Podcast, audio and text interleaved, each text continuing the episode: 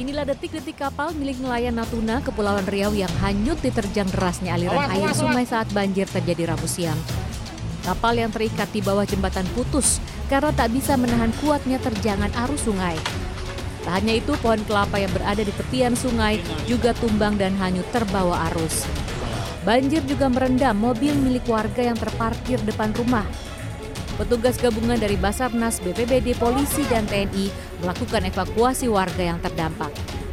Bupati Natuna Wan Siswandi yang meninjau lokasi banjir menghimbau kepada warga yang tinggal di tepian sungai untuk selalu waspada karena hujan masih mengguyur Natuna hingga Rabu sore banjir dilaporkan belum surut.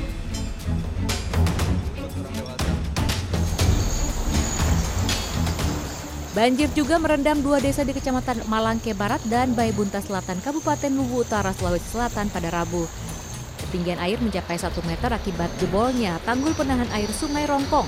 Derasnya banjir membuat sejumlah rumah terancam terbawa arus sehingga penghuni terpaksa mengungsi.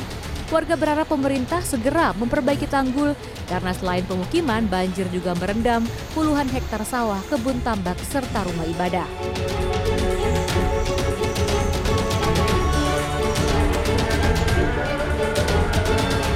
Hujan sejak selasa sore membuat sungai Palopi di Aceh meluap merendam ratusan hektar persawahan dan pemukiman warga.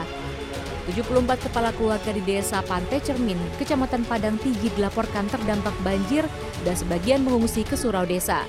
Pihak BPBD PD juga membuat tenda darurat untuk penampungan warga bersama anak-anak mereka. Pengungsi tampak memanfaatkan dapur umum untuk mengolah makanan. Rabu malam hujan dilaporkan masih terjadi di PD. BPBD mengimbau warga lebih waspada karena BMKG memperkirakan hujan masih akan mengguyur wilayah ini. Tim Liputan CNN Indonesia.